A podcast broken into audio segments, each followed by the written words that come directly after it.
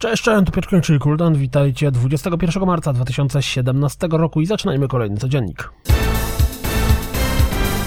Jeśli nie macie dość zabawy z kozami, to oto zwiastun Goat Simulator Waste of Space.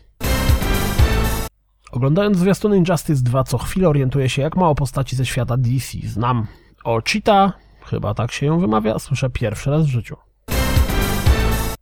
Twórcy postanowili pokazać zwiastunem, że do Total War Warhammer dodano masę darmowej zawartości. Petroglyph, których kojarzycie na przykład z serii 8-bit, coś tam, pokazali fragmenty rozgrywki ze Strikers, czyli połączenie piłki nożnej i moby. Oh boy, oh boy.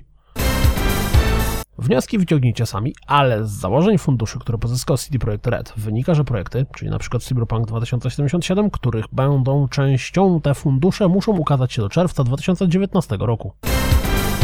Nie mamy żadnych oficjalnych informacji, ale w pewnym szwajcarskim sklepie Assassin's Creed Empire pojawił się z datą premiery ustawioną na październik tego roku. Pierwsze DLC to The Rising 4 Frank Rising zadebiutuje już 4 kwietnia.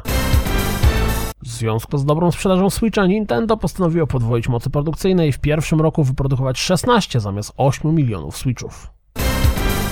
Jak jesteśmy przy Switchu, wygląda na to, że jego sercem nie jest żaden specjalnie tworzony dla nich chipset, a standardowa Tecra X1, która napędza np. Shield Android TV.